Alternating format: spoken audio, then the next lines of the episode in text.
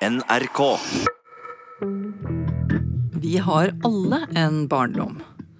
Jeg har min, og en dag så fulgte en diger, siklende bikkje etter meg på vei til skolen, og helt inn på skolens bespisning. Hvem har fått denne bisken inn hit? Vi har alle rare ting og frykter som vi går rundt og drasser på gjennom livet. Og jeg vet én ting som psykologer og andre sier hjelper. Å stirre rett på trollet. Stirre trollet i senk. Så det sprekker. Jeg heter Kirsti Kraft. Dette er psykologiens historie. Sånn jeg ser det. Og hva skjer? Det første jeg gjør altså Jeg klarer nesten ikke engang å få bilnøkkelen på plass før jeg tar opp mobilen og ser at liksom, har jeg fått noe mail eller ja. Stine Fjell var for seks år siden med i TV-serien Oppdrag lykke i NRK. De var fire personer som via coach og diverse teknikker skulle jobbe seg fram mot å bli lykkeligere i løpet av åtte episoder. Hun slet med stress hele tida, kavet rundt som en propell.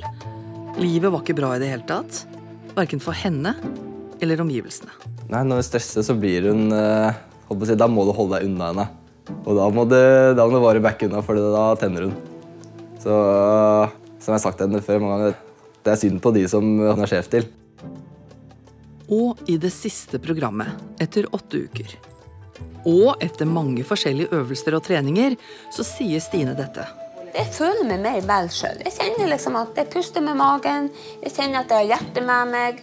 Jeg kjenner at det er i tråd med mine verdier. Jeg får brukt mine sterke sider. Jeg får liksom Jeg får liksom brukt de sidene som jeg kjenner at jeg er stolt over. Ja vel? Men da Stine sa dette, hadde hun vært proppet med råd og vink og personlig coach og masse teknikker på hvordan man skal tenke for å få et bedre liv. Men det er ærlig talt seks år siden nå. Og jeg kan ikke tenke meg at dette har holdt seg. Og jeg skal prøve å finne henne. For dette er nemlig positiv psykologi. Og denne psykologiske retningen har blitt hånet. Og enkelte har sagt at dette er naivt.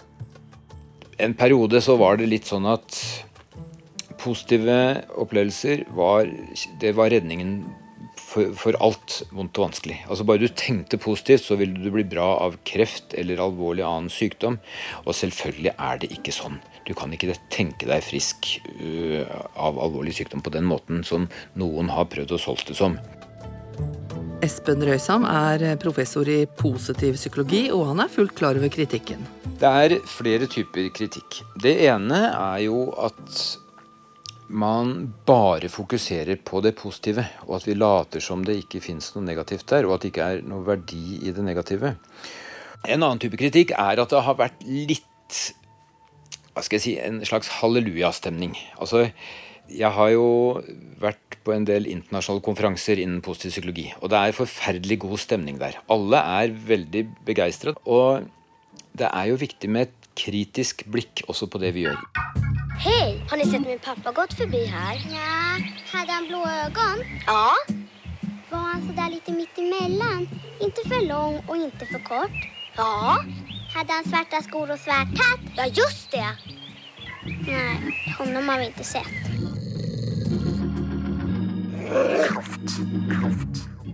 Jeg kom på Pippi Langstrømpe, som vi alle husker. Som sa noe sånt som at uh, 'dette har jeg aldri gjort før, så det klarer jeg sikkert'. Og det er jo et eksempel på det vi kaller en automatisk tanke.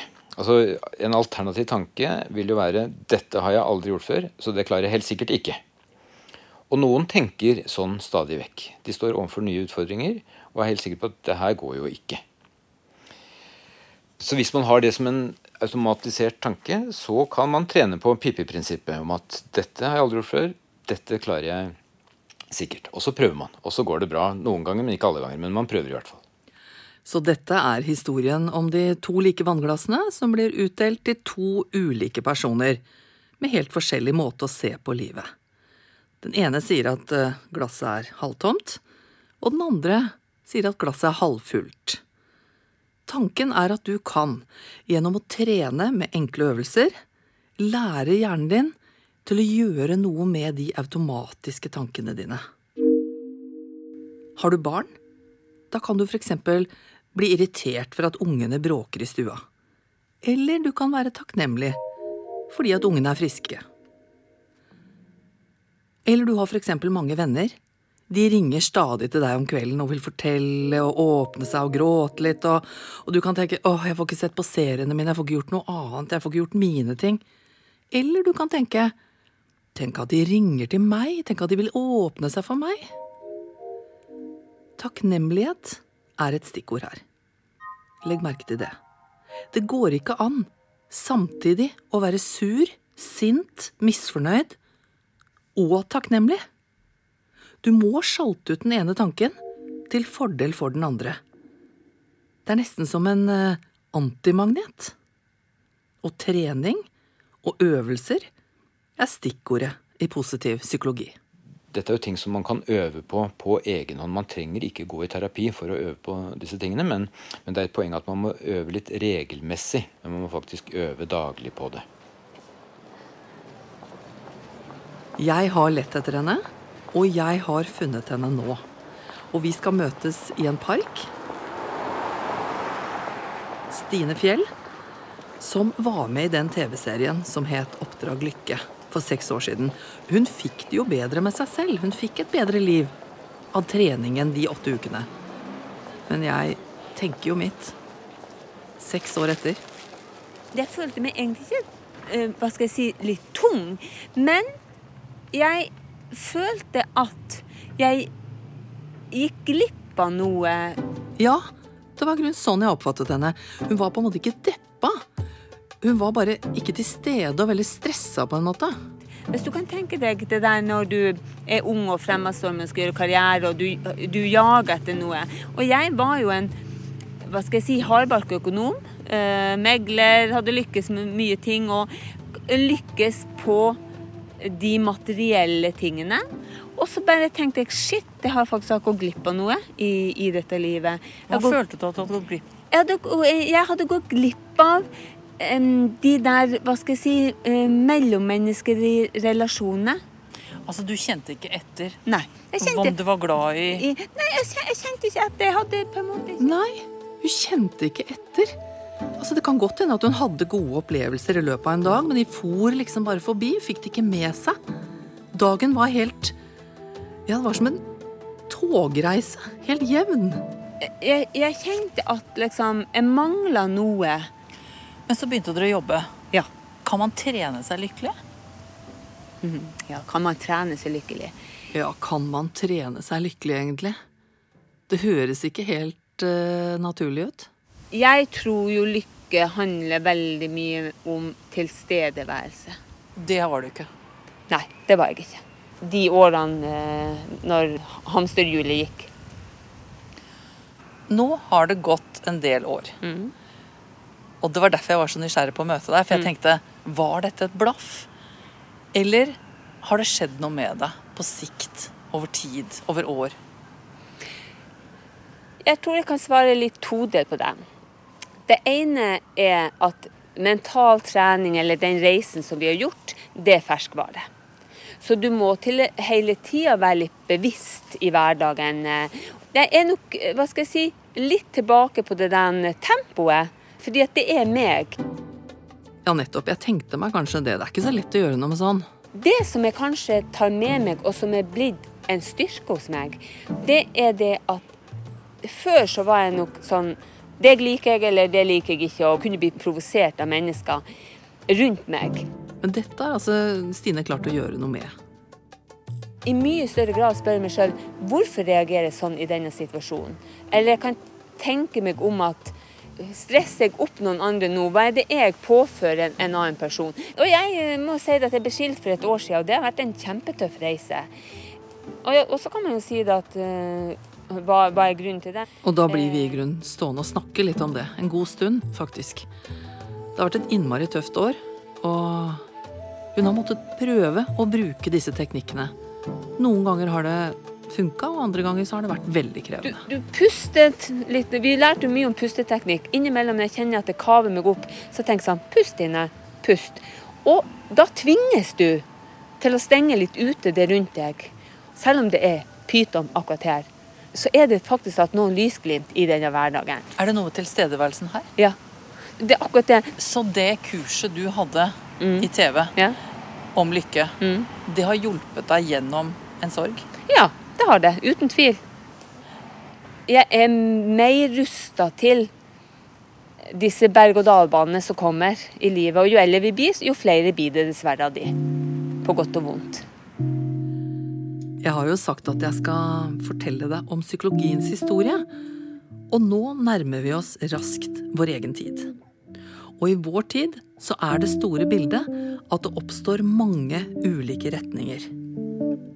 Og en av dem handler om tankene våre. Om å bli bevisst våre problematiske tanker. Den kognitive terapien seiler nå opp. Og nå er vi inne på E6. Hvis vi snakker om hvilke terapiformer som blir brukt i dag. Kognitiv terapi er hovedløypa mellom Sognsvann og Ullevålseter. Hvis du skjønner hva jeg mener. For psykologer går i hopetall på kurs for å videreutdanne seg innen denne retningen nå, og myndighetene har omfavnet metoden og spredt den utover hele landet.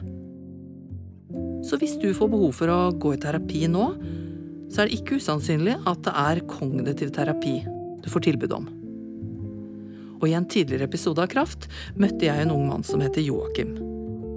Han har det sånn at eh, hvis han blir bedt på fest, så kan han glede seg på forhånd, men når han kommer dit, så får han angst. Så begynner jeg å tenke sånn Ok, eh, hvor er toalettet? Kanskje jeg kan gå dit? Og så kaster jeg kanskje et blikk bort til toalettet, og så er det lang kø der. Ok, da kan jeg kanskje gå til kjøleskapet og se om jeg kan finne meg en øl, eller et eller annet sånt. Og jeg begynner å, jeg begynner å liksom legge opp ulike sånne fluktstrategier på et eller annet vis som gjør at jeg kan komme meg vekk fra akkurat det umiddelbare, det ubehaget som eh, jeg føler. Men hvis du er på en fest, hvorfor er det noen ganger det kommer, og noen ganger det ikke kommer? Hva er det som skal til? Um, jeg tror det er først og fremst en følelse av at jeg ikke har oversikt og ikke har kontroll. F.eks. hvis jeg kommer litt sent, eh, så er kanskje gruppene satt allerede. Folk sitter og snakker og konverserer med hverandre.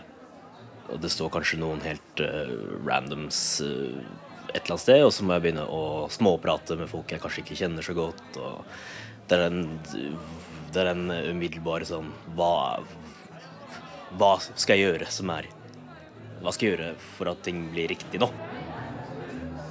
Og panikken brer seg i hele kroppen. Og da sier kognitive terapeuter som Torkil Berge at Joakim virkelig skal gå på de festene. Overhodet ikke unngå det. Han skal eksponere seg for den skremmende situasjonen. Det er det som kan hjelpe. Man klarer det jo ikke.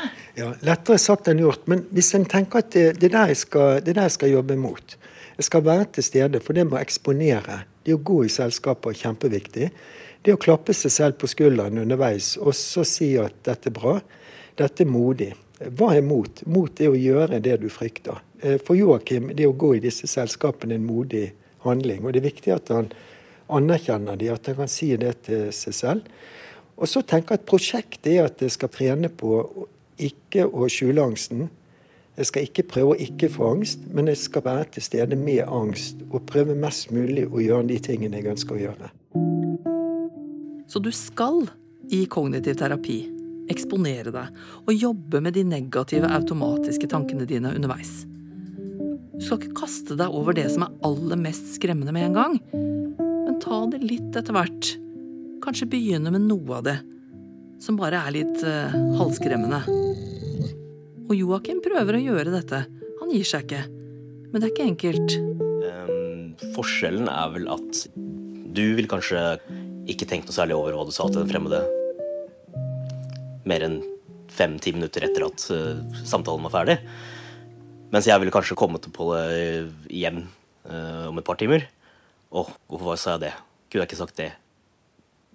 Og så kanskje utpå kvelden igjen så begynner de kvernetankene. Og så kan de kanskje komme tilbake igjen uh, en dagen etterpå og sånt også.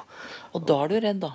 Ja, ikke sant? Da er det en sånt uh, Da, da skaper det den uroen som på en måte bare blir værende i kroppen. Og så kan den være der i eh, en halvtime, time. Kvernende tanker, det kjenner vi igjen. Grublinger. Hvor man går rundt og elter på den samme tanken hele tiden. Hvorfor er jeg så dum? Hvorfor klarer jeg aldri å komme ut av dette? Hvorfor Og en retning innen kognitiv terapi kalles metakognitiv terapi. Og det driver Lars Gregorius Røv med. Han hjelper folk med sånne grublinger. Hvis jeg f.eks. Uh, sier da at ja, jeg grubler masse, det er noe som kverner i huet på meg, og det er at uh, jeg, er ikke, jeg føler ikke jeg er bra nok, f.eks. I noen sammenhenger. Ja. Eller noe sånt. Ikke sant. Så da vil jeg være opptatt av to ting.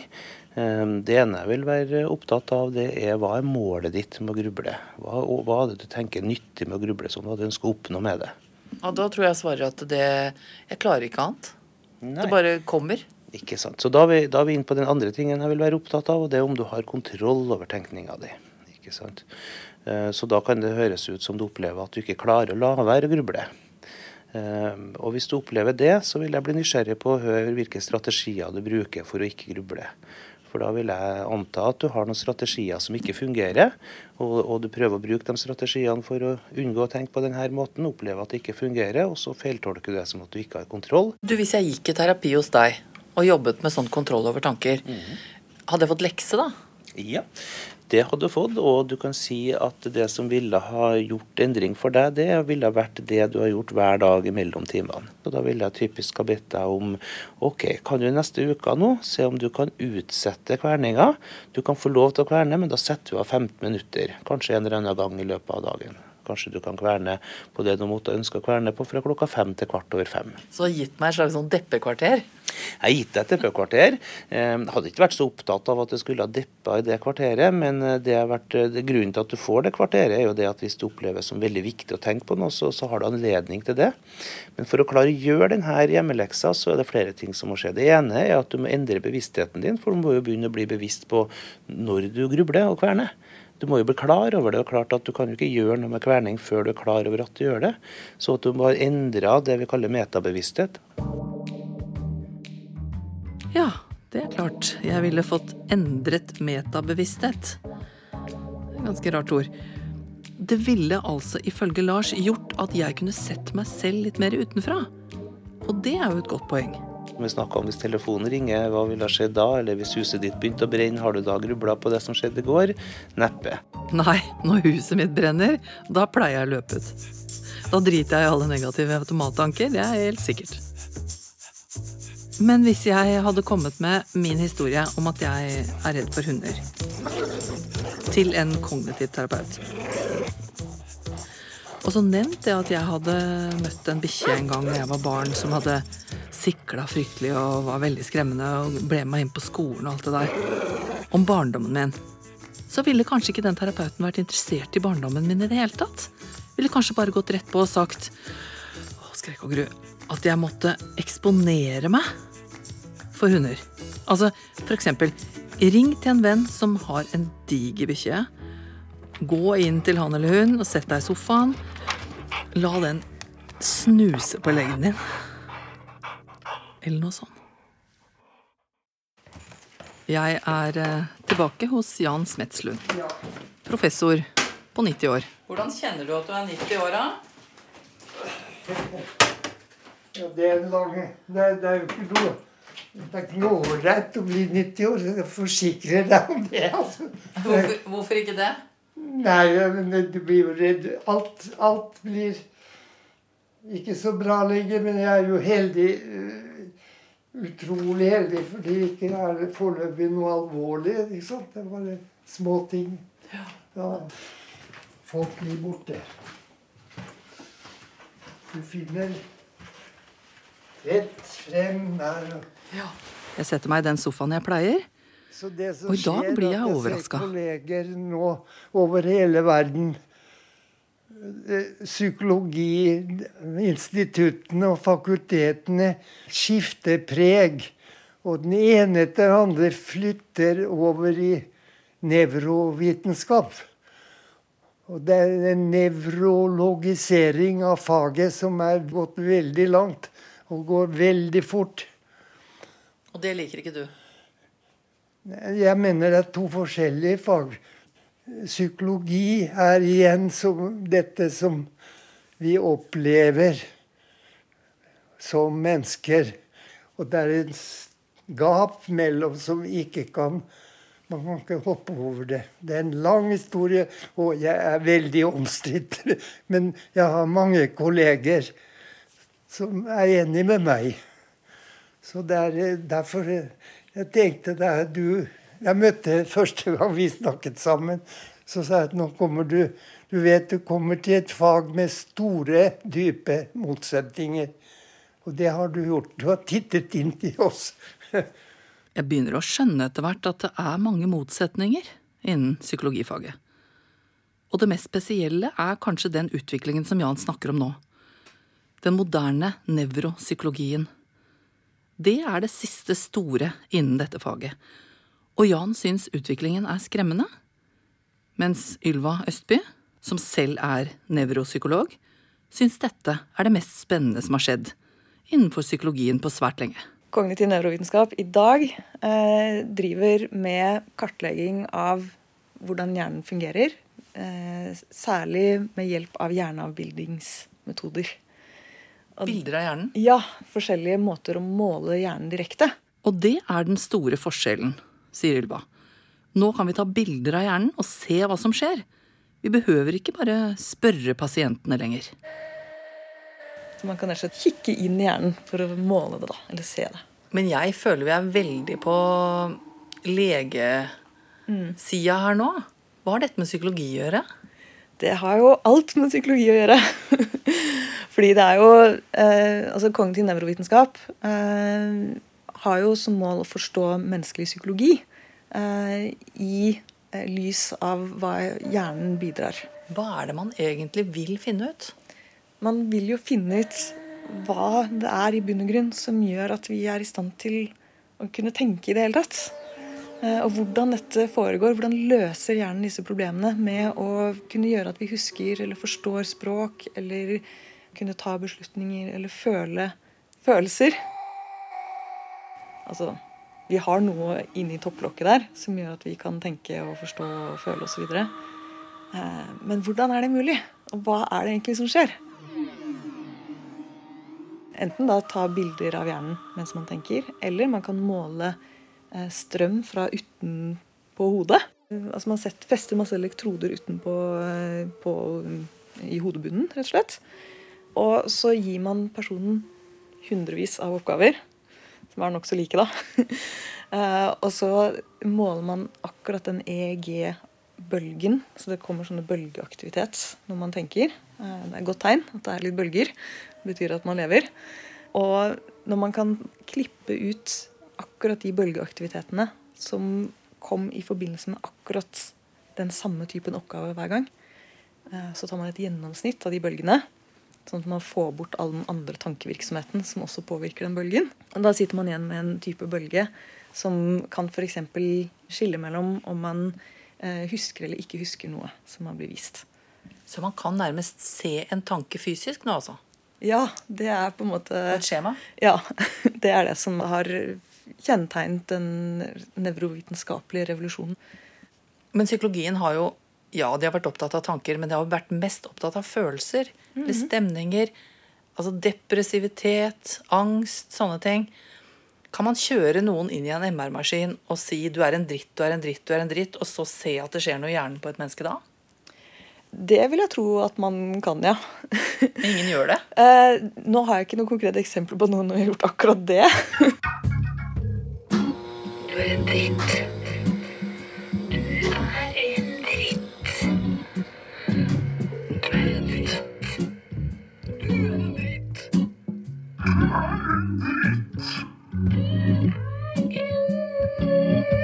dritt. ja.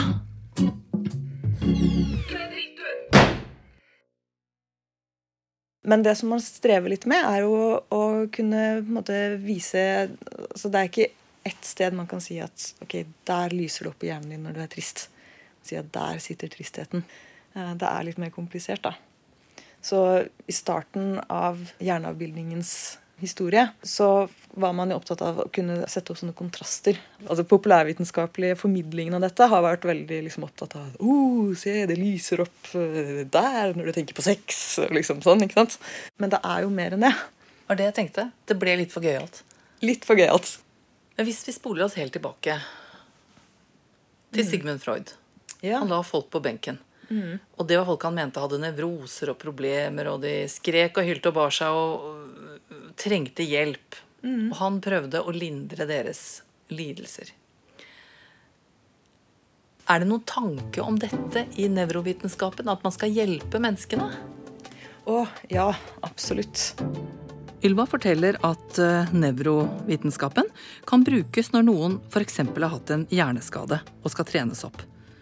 Eller hvis man skal forstå hvorfor man sliter med hukommelse, eller ikke klarer å konsentrere seg. Så det deler dere med Freud. Ønsket om å hjelpe folk. Ja, absolutt. Ikke at jeg har tenkt å spørre noen om det, men jeg lurer på hva som skjer i hjernen min når jeg ser en svær bikkje. Skulle tro det var helt selvlysende i hele hjernen. Det er sånn det føles. Ja, det er spennende foretak du har tatt på deg. Ja. Det er litt av et prosjekt. Jo, jeg skal ta litt Jeg har drukket mye gul saft sammen med Jan. Og vi har snakket, og han har fortalt om ulike episoder fra livet sitt. Han har vært gjesteforeleser på de prestisjetunge universitetene i USA, og han har kjent til mange av dem som har vært toneangivende og viktige personer innen psykologien. Og for ikke å snakke om på 1970-tallet, da står han foran 800 studenter fordi han er instituttleder på psykologi på Universitetet i Oslo. Og studentene er så sinna, og han er med dem i protestmarsjen. Jeg var allerede 44 år, eller 45 år. Men nå forteller Jan meg en helt annen historie. Han kommer til et punkt i livet hvor han tenker Jeg har studert psykologi. Jeg har jobbet med faget. Et halvt liv. Skulle jeg ikke hjelpe folk? Og da endrer han livet sitt. Så jeg kom på vinneren, og jeg kom rett fra universitetet og rett som psykolog til akuttavdelingen på vinneren. Så gikk jeg bortover en korridor på vinneren, og det gikk jo litt pasienter frem og tilbake. Og så kommer det en kvinne frem til meg, og hun gråt og var, var helt fra seg. og så kjente jo ikke meg, men hun sa bare, bare holdt meg og sa Doktor, hvordan kan du leve når du vet at vi, vi skal alle dø? og Det er ikke noe vits i noe. Det er ikke mening. Og, og da På sekunder Altså, da var jeg nødt til å nødt til å forholde meg til det. Så da sa jeg til henne, uten å tenke over det, altså Jeg sa Kom, så setter vi oss her. Skal jeg fortelle jeg, hvordan jeg kan leve når jeg vet at jeg skal dø, og så videre. Så fortalte jeg henne jeg sa at du, jeg tror at det er veldig viktig for oss mennesker å skjønne at vi er ikke alene. Vi er sammen.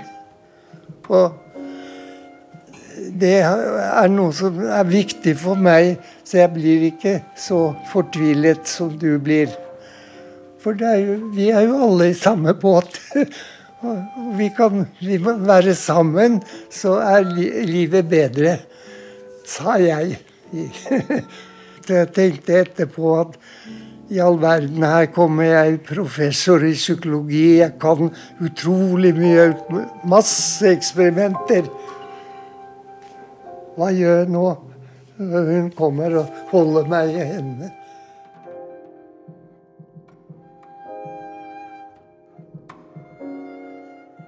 Noen dager etter ringer jeg tilbake til Jan Smetslund. Jeg har lyst til å møte han igjen og høre mer. Hallo? Hallo, er det Jan? Det er Jan. Hei, det er Kirsti. Det er Kirsti. Du, jeg lurte på eh, had, Kunne jeg kommet opp til deg en dag? Ja, det, det er bare hyggelig. og Det kan du godt, men det blir noen dager nå, for jeg er på farten til København. For jeg skal være på en kongress i teoretisk psykologi. I København? Ja, det er litt spesielt fordi det skal være en sånn paneldebatt eh, om min forskning. Det er, det er sjelden man opplever. Du har hørt åttende og siste episode i Kraftserien Psykologiens historie. Lyddesigner Hilde Rolfsnes. Musikkresearch Kari Jacobsen.